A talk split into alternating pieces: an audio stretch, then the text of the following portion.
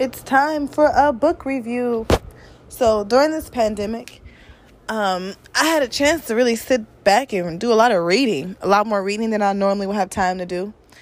I feel like during my regular life, you know, reading to me, although it was something I didn't hate doing, but when I had to do everything else in my day, when I wanted to come home and relax, relaxing wasn't sitting down reading. You know what I mean? It was like watching TV, doing something where my brain had to function as minimally as possible. but now I have time to like exercise, read, take a nap, read some more, exercise some more. You know what I mean? Watch Netflix and chill. Amazon Prime. I'm watching a lot of stuff on Amazon. I get into my Amazon whole spiel later. But Amazon has been a really interesting app that I've been using, and I haven't just been buying. I've been buying a lot of shit off Amazon, but I haven't just been doing that.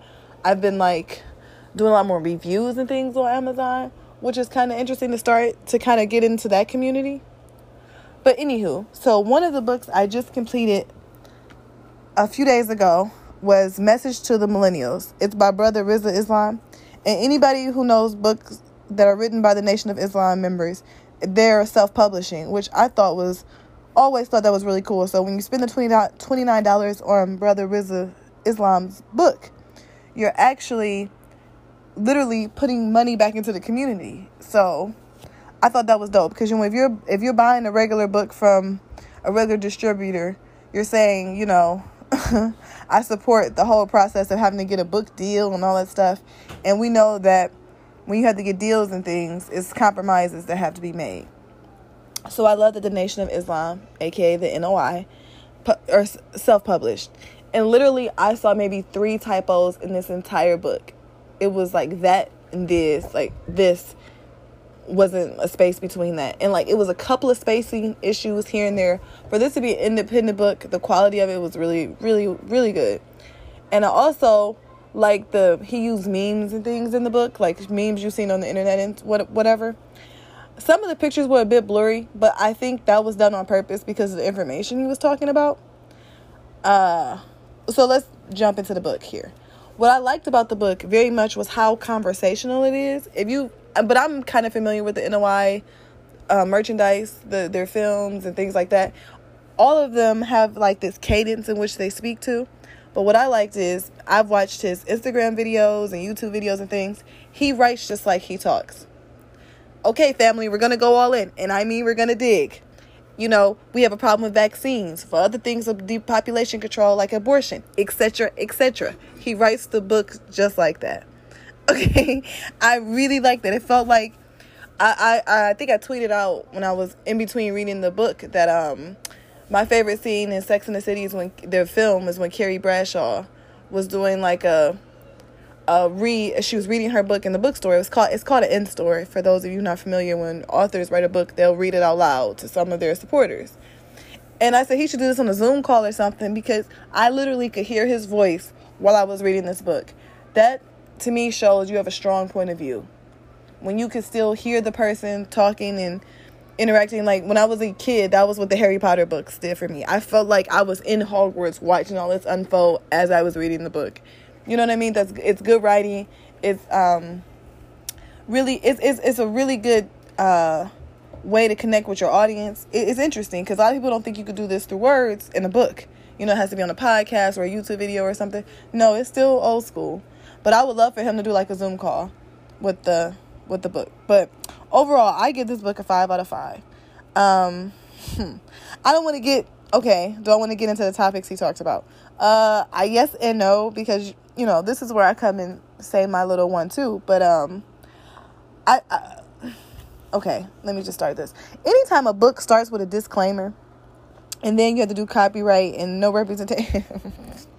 no representations on the in, on page five when you open up the book.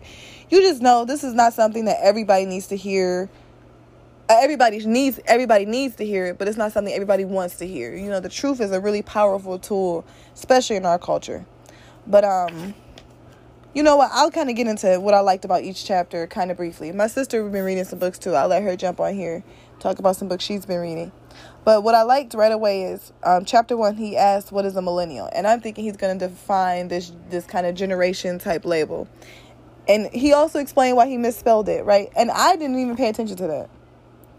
You know what I mean? I was just ready to read the book, but um, he explained he everything was very everything is very intentional, calculated. I love the pictures that he used um in the throughout the book. For instance, if he's talking about vaccines, he has a picture with him and Robert F. Kennedy Jr. To sh- who's been a crusader. If you anybody um, follows the YouTube page of Vax or know about the Vax the film, um, that's the Kennedy that's been really pushing this vaccine discussion on how vaccines are dangerous, especially to black boys. So I like that if he made any statement, he kind of really backed it up with because a lot of people don't want to take experience as um, evidence of something. They'll say, "Oh, that's just people's opinion." No, no, no. If I'm, for instance, when I'm talking about my experience as a black woman, I'm not saying I feel this.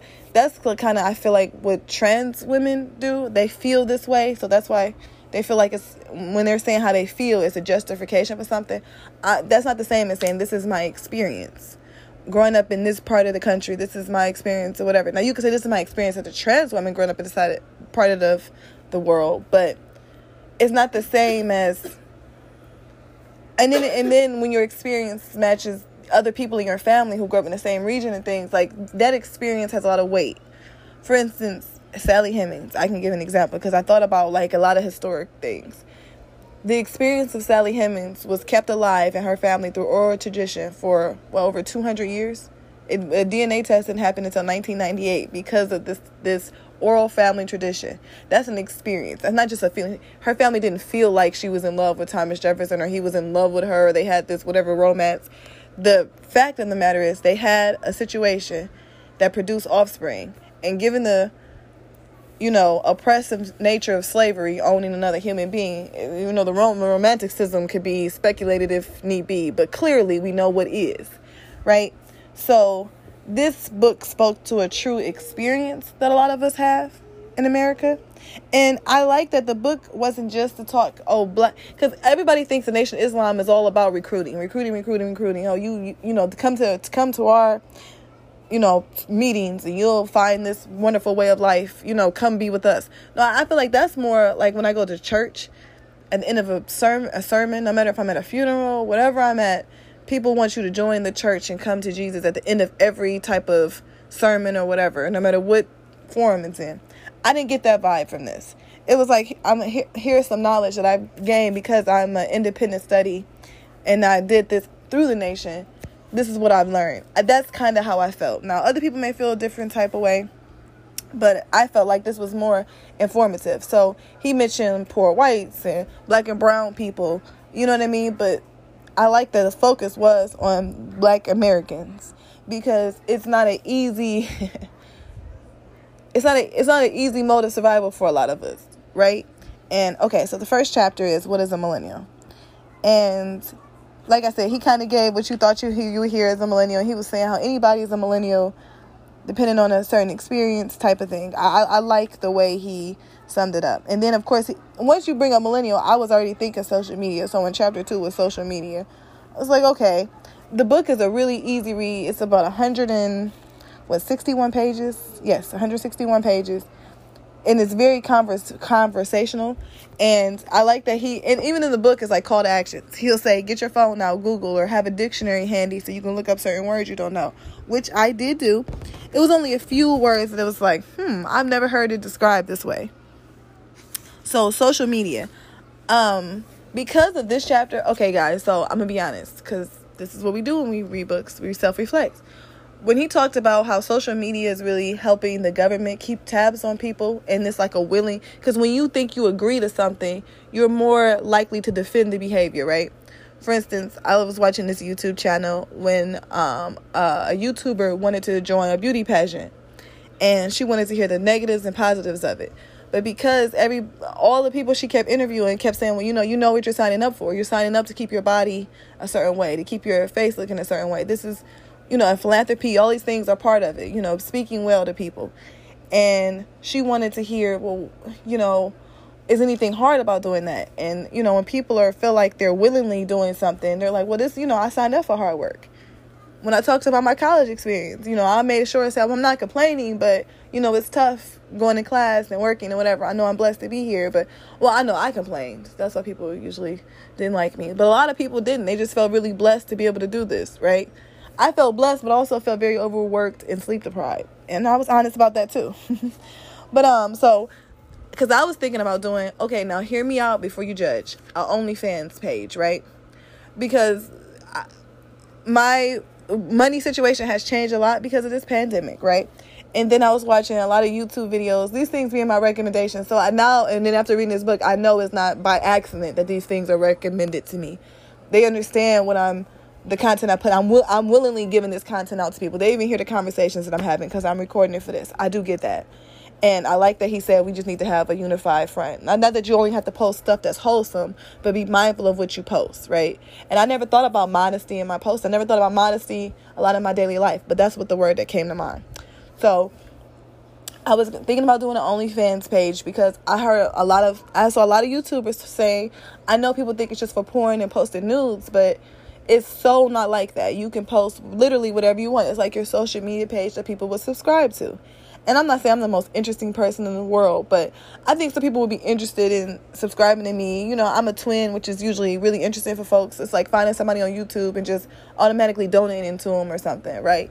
That's kind of the general gist I've been getting on YouTube from a lot of these like newer people to OnlyFans page. They're like, I'm not posting nudes or if I if I posted like a swimsuit pic, it's nothing like I wouldn't post on Instagram. You know what I mean? It's like me and my regular life. It's not like I'm trying to over the top do it. But then you hear the other girls, the ones who are making the big, big money, they're like, yeah, I'm posting X, Y, and Z. You know, I'm I'm kind of going there, but I'm not doing too much. Or you know, talk, I, I was listening to a lot of people's experience, and then once I read that chapter on social media, I'm like, well, it looks like I'm gonna have to stay being broke because I don't want, as a black woman, I don't want people to use my sexuality, my sexual nature, whatever they feel like that is against me. Because during slavery, and you, ha- that is what I liked about this book. It just keeps things in perspective for you. During slavery, that's what would be my value. If I was on an auction block, it would be, can my hips hold babies to make the slave master more money? And I just don't want to make my money off of my body completely. If that's not the, because I don't think there's anything wrong with, you know because I know this feminist agenda have everybody think, oh, it's it's empowering to use your body to help you make money and all these things, and it's also very damaging. Even women like Cardi B talk about when you, know I was comfortable with my body prior to going to the strip club. Then you feel like, oh, is something not wrong with something wrong with me because I'm not making as much money as the girl with the bigger butt and the bigger boobs, or the girl who got work done and whatever.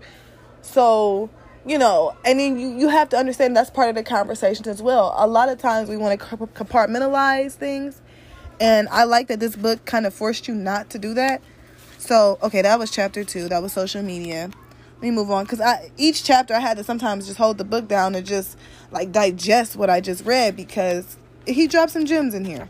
I can't sit here and say he did not drop some gems because he did. So, chapter three was Who Really Wants to Be Conscious?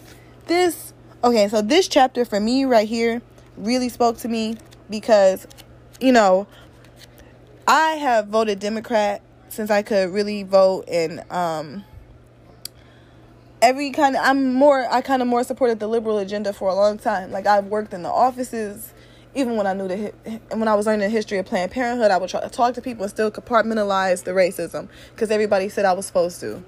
And that's not a conscious person in my mind. That's not the person I wanted to be. I feel like I was compromising my integrity. And I like that it's okay to deal with that. And with the last chapter with social media, I also like that he talked about the posture that a lot of people are um, having issues with in social media because we're hunched over on our phones so much. And then I noticed on Instagram they're selling like posture support systems where you can like make your posture better. Like literally, technology is making us evolve as humans, maybe not even in a good way. You know what I mean? Like the caveman hump. But um, so what is a conscious person? That just really had me thinking because if I listen to the liberals, a conscious person is someone who who's okay with saying you ain't black. You know what I mean? Like that's that chapter really kind of got me. I don't want to. I'm not giving too much away because you have to read the book to know how he breaks down how to tell if you're and it's not how to tell if you're conscious. He's just putting some questions in your consciousness. I like that. I don't feel like I was being preached to in this book. I was being asked really thought provoking questions. Like some of the questions he'll ask is, who really wants to be conscious? Being conscious does does not end well, or they say being conscious does not end well with having lots of money and lots of fortune and wealth and happiness, joy, and prosperity. This is what people think. Being conscious does not end that way. Well, what is conscience? You know, when he was asking, like, thought he'll give you like a scenario that you, you know, I I I really dug it. And then, like I said, he put a lot of like memes and when you think about words, the way he broke down words in this entire book was nothing short than the Nation of Islam wouldn't do.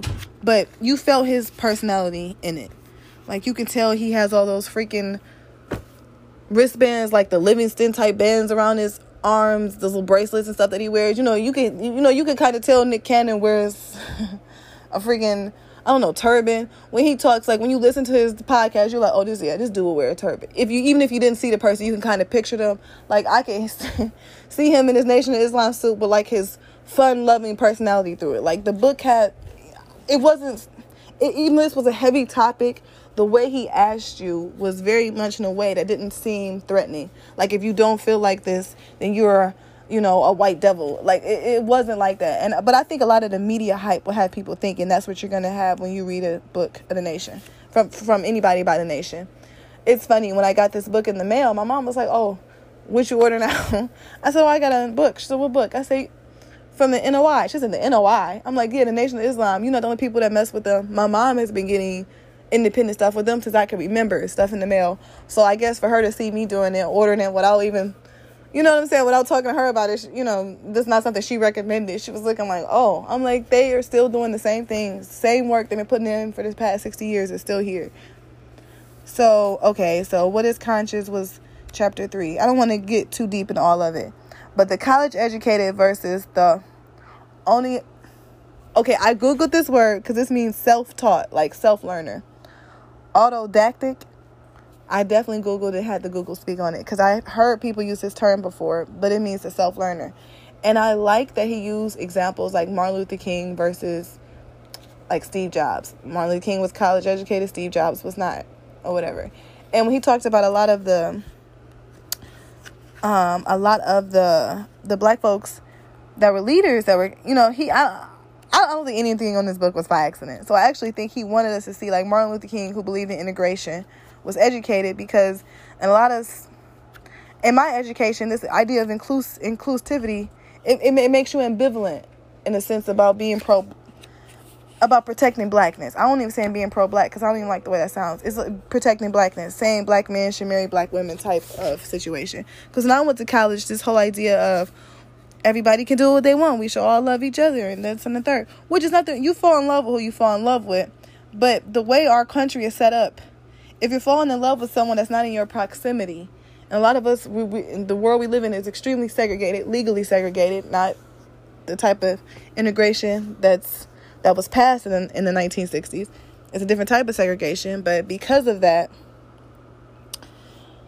you know this idea that we don't see color and stuff and it's not exactly accurate. So I like the fact that the people that he had you create these pic- mental image images of were educated black people because he brought up W.E.B. Du Bois. And Du Bois believed in eugenics. Now, this he didn't get too much into Du Bois politics, but I know who W.E. Du Bois is. You end up if you don't know who these people are he's mentioning. Please get on your Google box or get in your go to your encyclopedias if your grandmama still got them in the in her office or whatever. You know how you somebody's grandmother always got the old encyclopedias. Look those up. There's some valuable information in there. But um, you know, W.E. Du Bois helped start the NAACP. He was very much for population control. He felt like certain black people should not procreate. I don't agree with that type of shit. And I was one and this this chapter really spoke to me because I in a lot of ways was a big advocate for pro-choice, right? Cuz I feel like, well, if the choice is there, people would need it unless they were desperate for it, right? That was really, I truly wanted to believe that until I went to college and until I just experienced more life. I realized abortion, in a lot of ways, is the only option a lot of people feel like they have because the community is so broken. The ideal situation is to keep your baby for a lot of, especially a lot of black women. I got to speak from my experience. For instance, I had a really good friend in college get pregnant, I want to say our junior year right? So she had maybe a year and so left and some change. Maybe like she had a couple of classes besides after her senior year to finish.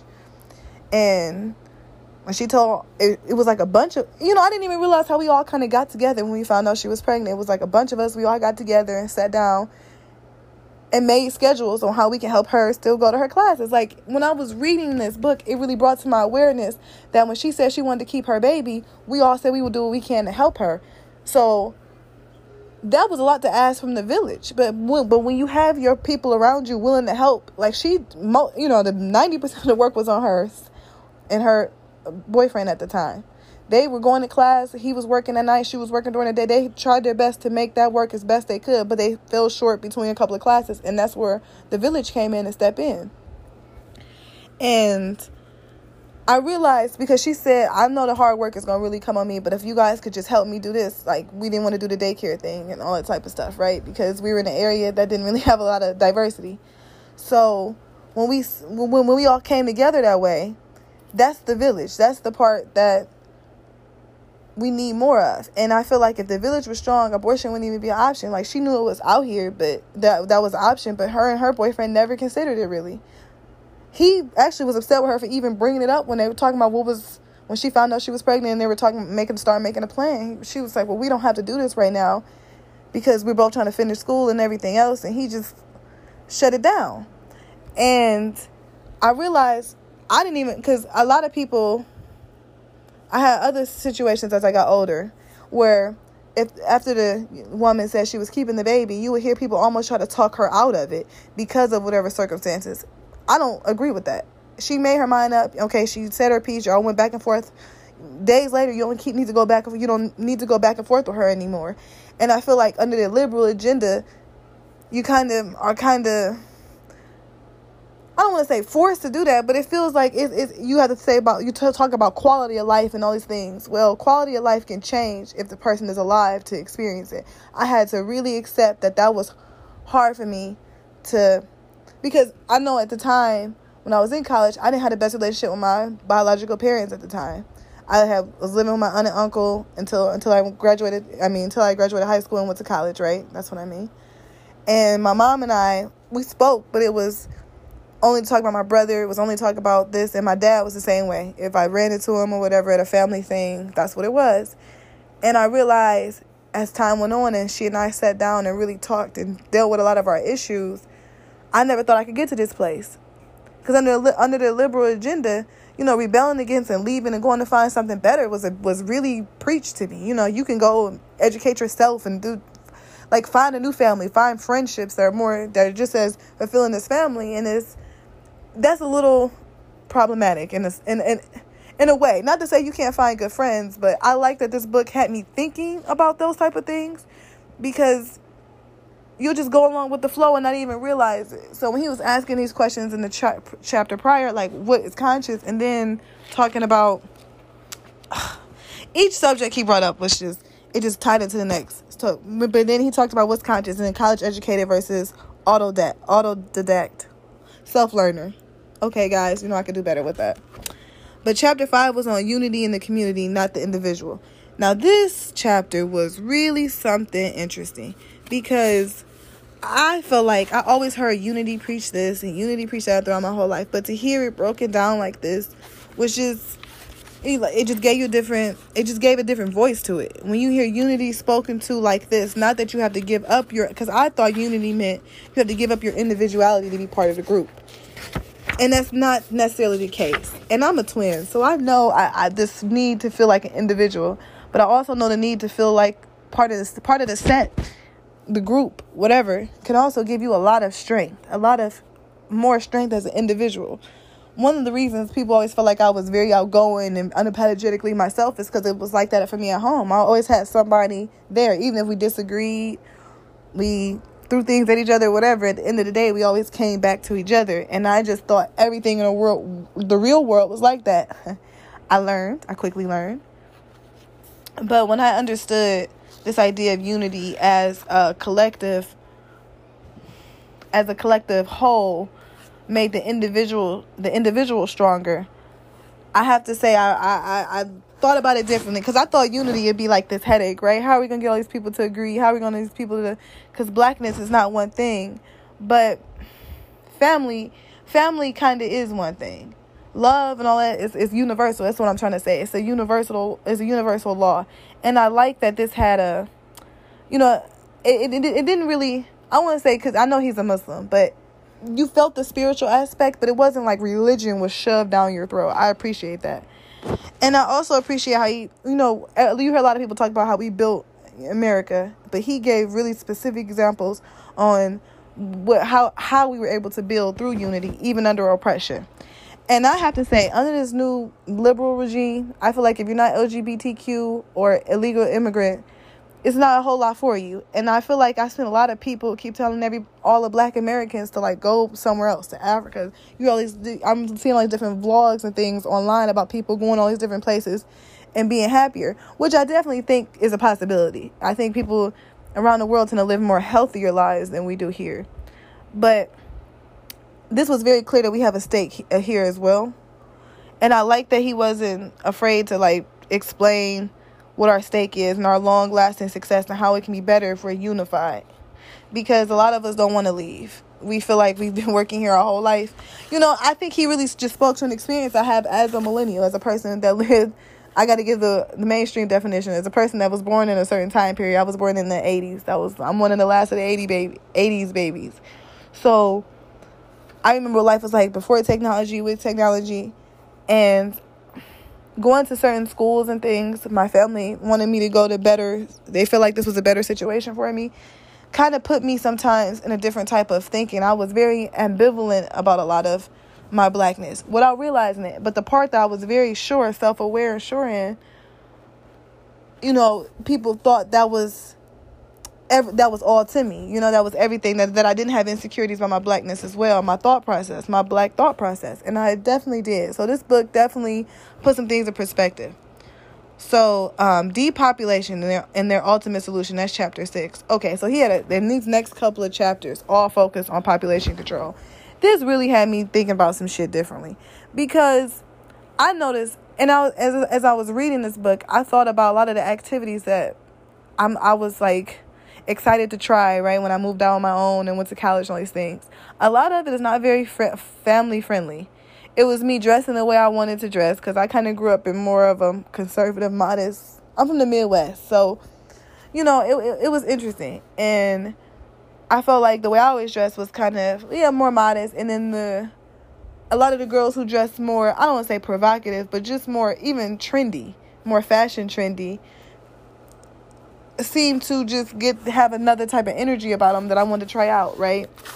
And I realized for a lot of the the practices I was doing kind of went more with this global depopulation. Even your small choices like the way that you dress and the people that you're around and the, the relationships you're in can help with global depopulation. And I know it sounds weird that I'm saying it like this, but you look at yourself as a player in the game if I'm um going to Planned Parenthood, right? Because I'm dating somebody, and how the way I was raised was more modest, you know. If because the person I was dating at the time, when I first went away to school, my family really felt like I was going to marry a person. I thought I was too, right?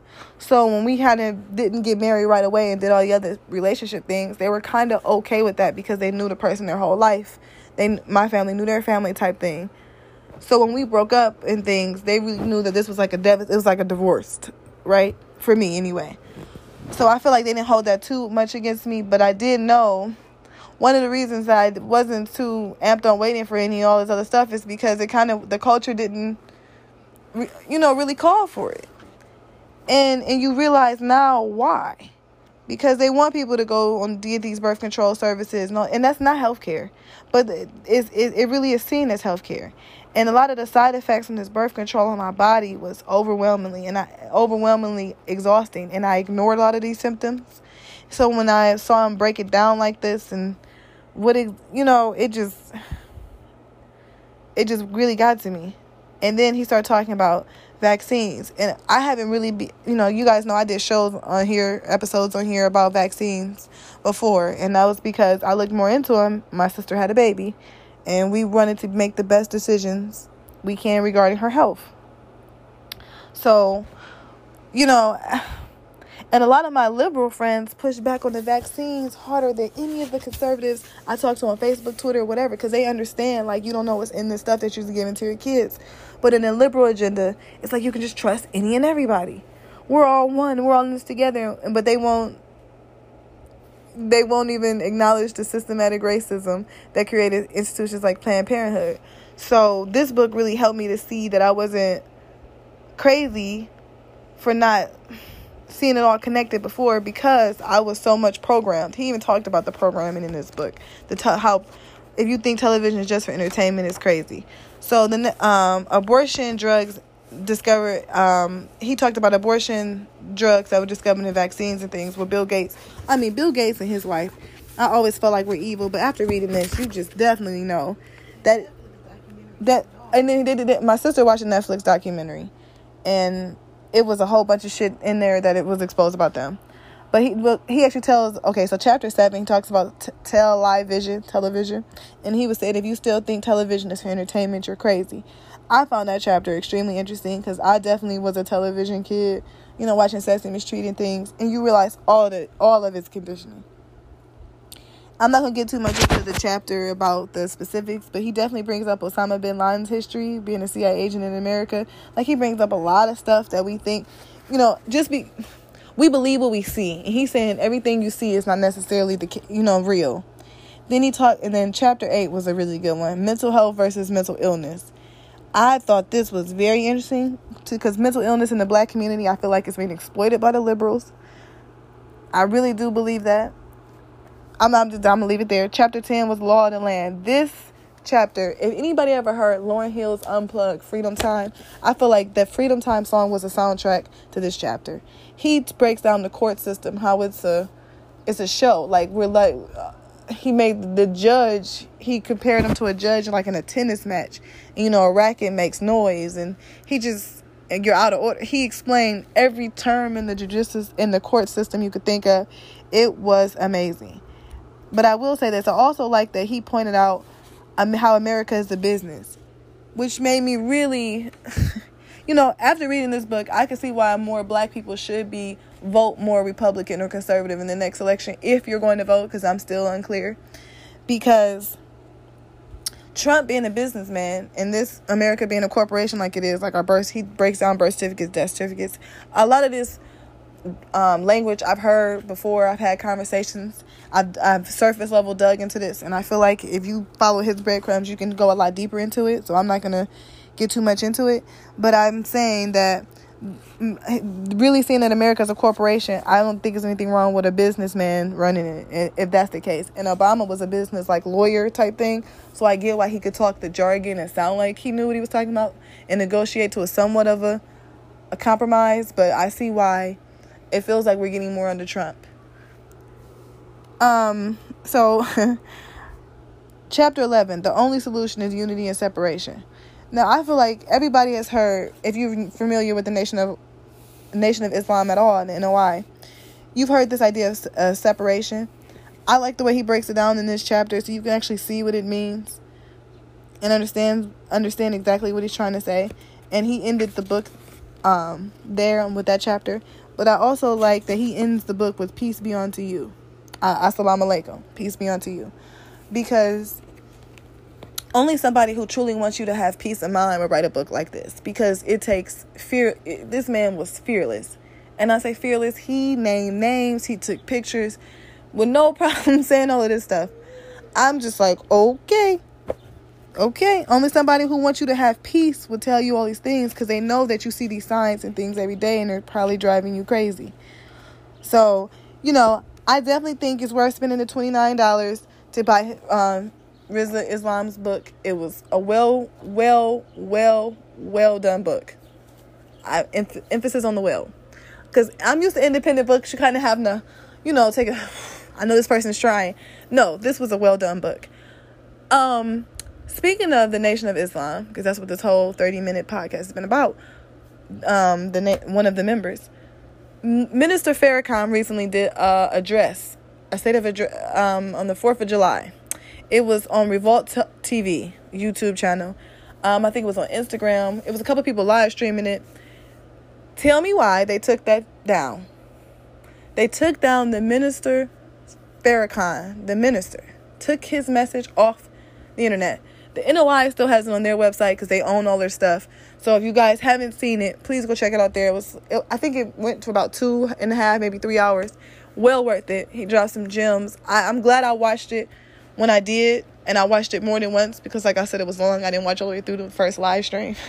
I did go back and watch because, you know, they don't want you to hear the truth. And I say they, I mean the powers that be. So um, this was a really good book to read over quarantine. Brother Rizza Islam. I don't know you. I don't know if you ever. You might hear this because I don't know. I feel like people now the internet can be anywhere.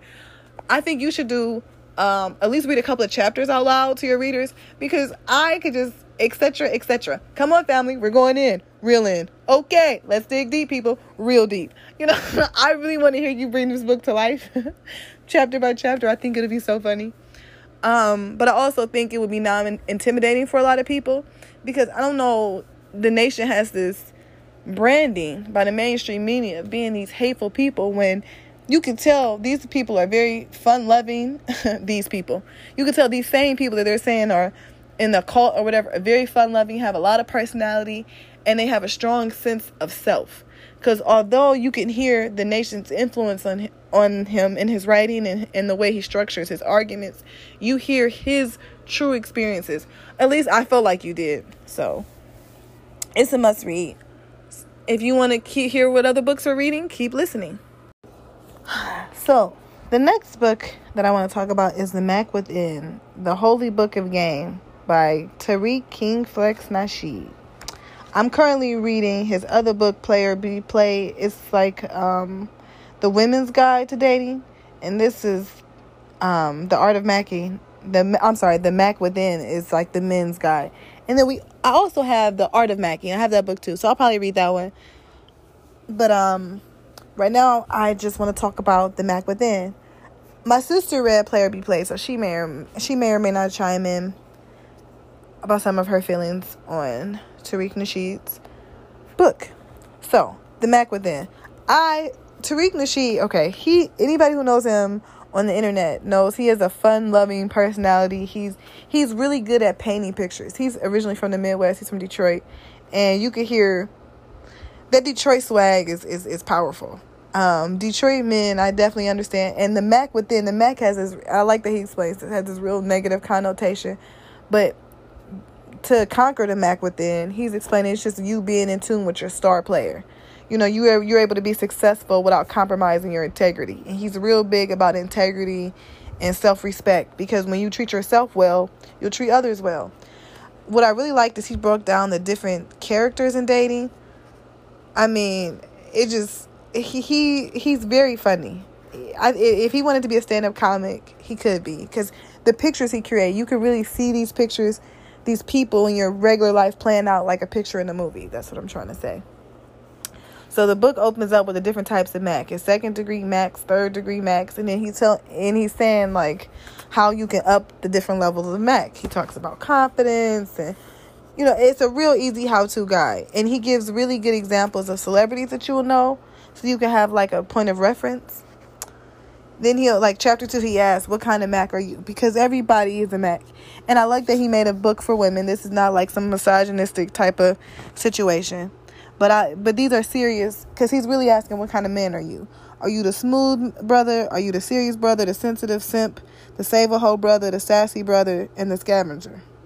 I like that he talked about the sassy brother because I used to get really confused about guys like that. Because okay, so sassy, he made like he kept saying guys like Lenny Kravitz because for some reason aesthetically, guys like that are really appealing to me.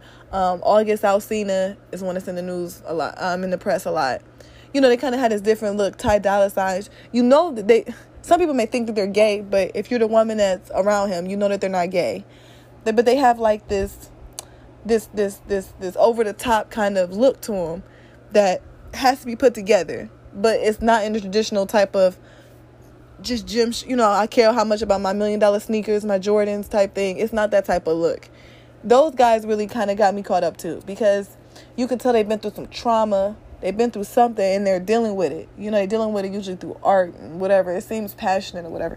I like that he kind of broke that down. because sometimes you don't as a woman you don't know why you're getting caught up in situations that you're getting caught up in because you're like if this came in another package i wouldn't even have bought it i wouldn't have looked at it and i also like for men that are reading this book if you don't see yourself in any because if you see yourself as a super saver whole brother right? Because people in our society have real negative type of connotations on this. I like that he show like the why you went to toward that type of relationships. Usually the guys were close with their mothers or whatever else and they they know how to appeal the emotional or whatever. You know I, I like that he's not like laughing at anybody. He's actually saying like this is how a lot of us get stuck in our patterns and our cycles right so he just give you the do's and don'ts of macking. Like chapter three, a Mac must value himself. Any man should value themselves, but I like that he talks to the the kind of little boy in you that might, might not understand how you should how you should value yourself yourself because maybe you didn't have a man growing up around you. I'm not gonna go through every chapter like I did in Brother Islam Islam's book because um, I feel like Tariq's books are really conversations, all kind of about one topic. His book was about more specific topics within topics, right? So, but I will say chapter four. I just some of the chapters that I the first couple of chapters I really liked because he got me with these. How to mac on different types of females.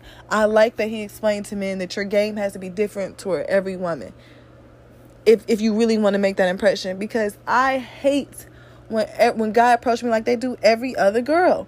That is so irritating. They do, like, like he even talk about how it's like a gamble. They'll just try for any and everybody, and finally they'll get some luck.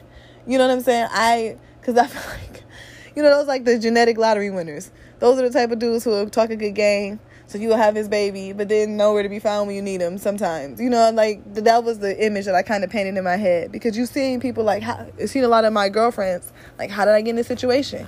He was all over me. He was doing this. He was doing this. And I'm like, yeah, but then you learn he spit game like that to everybody, hoping somebody will catch the bait. You know, we all got caught up in that before, or maybe we haven't. But um, so I, you know, like I said, I really liked that he broke it down and he talked about the rules of the game. That was chapter five. I know I just said I wasn't gonna go through every chapter, but maybe I will. The rules of the game. This reminds me, if you ever saw the movie with Vivica Fox, two can play that game. How you can how you know dating is kind of feels like that. It's like it's rules it's this it's this un these unspoken rules right? And he breaks them down on and, and why they're important to live by. It's like the ten commandments or some shit right? I, I i thought that. I thought that was a really good eye opener for guys because i don't think some dudes realize how they're coming across. And tariq can help you break it down can help break it down to you so you can just either accept your behavior so you can fix them or just be like this is who i am. Fuck it. Okay. You know so then you know he went on to talk about how to step to girls in chapter six how to step to different females. And he talked about like how to spot them. Like he talked about the girls who only want attention. Some of the behaviors he talked about in women i saw myself in without even realizing that's what i was trying to do. Mm, that kind of got me a little bit because i'm like ooh okay. Because he talked about like this hoochie girl and okay, so I have to say, oh, I think all girls have a little bit of hoochie in them, right? But the way he was describing why she's like this, she wants attention from anything. She's the girl that'll get the implants or this or this or that. And then I and then he talked about in in one of the chapters about like how dribbling a ball or writing a hit song doesn't you know doesn't mean you have to have integrity to do these things. And I think about a lot of the relationships I look at on social media where you see famous guys who are like a hot, like a trick. They they find a, a young one or um, like if they're young, if like a young rapper or something, and he date another young rapper or whatever. I noticed that maybe she might not start with the big fake ass and the fake boobs or whatever. She'll get it eventually. If he don't buy it for her, he'll give her help her get enough clout so she can buy it for herself and you know it, is very attention seeking. And you realize he's just a, a, man with a lot of integrity. And this is like the relationships that really shoved down our throats. And then people wonder why they're always listening to the same songs about heartbreak and turmoil. You know what i'm saying? It's like a lot of your behavior tariq is a master at studying behaviors and how that behaviors affect how those behaviors affect people and how those behaviors stop you from getting what you want. Because a lot of times he talked about this very very easily. Women want to find a man who will challenge them and who they, they don't want to push over or whatever too much. They don't want somebody or somebody who just trick out on them. They'll get bored with those people easily. And we see that all over the place. You know what I'm saying? So like I like that he talked about all the human behaviors. So this was a good fun read. The, the Mack Within. I think it's a really good book, especially when you're trying to just I think it's a good just how to guide how to become better with understanding who you are and how you how you got certain behavior pro, um behavior patterns. Like if you find you're just in relationships and they're not excuse me and they're not really fulfilling you the way you want to, he'll kind of break down some of the behavior patterns that keep getting you into these cycles. Because I had to admit, after reading this book and I'm reading Player Be Played now, I didn't realize the drama and all that stuff was just familiar to me. I knew how to recreate it because that was the environment I grew up in, and I know I've heard that a million times. When you, but when someone gives you like specific, really specific examples of when you say like you have a drama queen friend, he'll explain what that behavior pattern means. Like, yeah, she's the one who has to make drama even when there's nothing because her life is so boring. And I'm like, oh, have I have I been guilty of that? So, um, Tariq Nasheed's any of his books are a lot of his books to me feel like they talk about the same type of characters, but I like all of the books because it gives you a different it gives you like a more in-depth look at each character. It's just like his hidden color hidden color films, excuse me. They're all about the same idea, you know. They'll talk about different black explorers, you know, they might just be more specific in each DVD about maybe this one they talked about Queen Isis, but the next one they'll talk about um, the Egyptian tombs. You know what I mean? It might be like the same type of topic, but it's not. I'm throwing that out there. That's not really what hidden. What hidden colors did talk about a lot of stuff like that, but I'm saying his books are also very much like that. Like they just go more in depth. Yes, it might seem like oh I learned heard about this in the last one, but I actually like that because you can build off um each you can build off each book to just help understand the the picture a whole lot better. So I actually think Tariq Nasheed is a really good writer. Very good writer, which is why I'm not surprised he's a great content creator on social media. I like to see him make more films because if you can write like this, you can make good films. So, all of this stuff is inspiring me to keep going with our scripted podcast. My sister and I have been working really, really hard and come up with a lot of fun ideas. But hopefully, my sister will get on here and talk about some books she's been reading. But she's still stuck reading this one book. I think she's reading a conspiracy theory on Michael Jackson. So she'll have lots to say when that's done. Well, anytime we're reading a Michael Jackson book, we're glued to the book the entire time. We don't even like to stop to eat. But other books we'll stop and come back to. Um, I'll probably read Moonwalk again by Michael Jackson just because I feel like he just left us a lot of gems in his autobiography.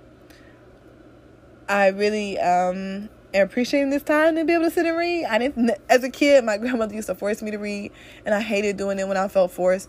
I would like fall asleep when I was reading because I just, I have to do it when I'm ready to do it. So I'm really appreciative for this quarantine time for giving me the space and opportunity to just relax, read, get back to the basics. So let me know if you guys are reading any good books. Um, the ISIS papers, my sister ordered that off Amazon. We just got that in the mail. I'll probably be reading that book in the next week or two. So look for a review on that one. Um, you guys, if you want to join the conversation, tell me about some of the books you've been reading. Come on, guys, talk to me. Some friends of mine on Instagram have been saying some books they read, and they actually said, I'm sorry, I sat on this book for so long. It was so good. Has anybody else had any feelings like that? I feel like that about um, Player Be Played because I had saw this book a million times and never had a chance to sit and read it, and it's it's really good. So let me know. Welcome to the book club. Fuck Oprah's book club. This is Kat and Catrice's.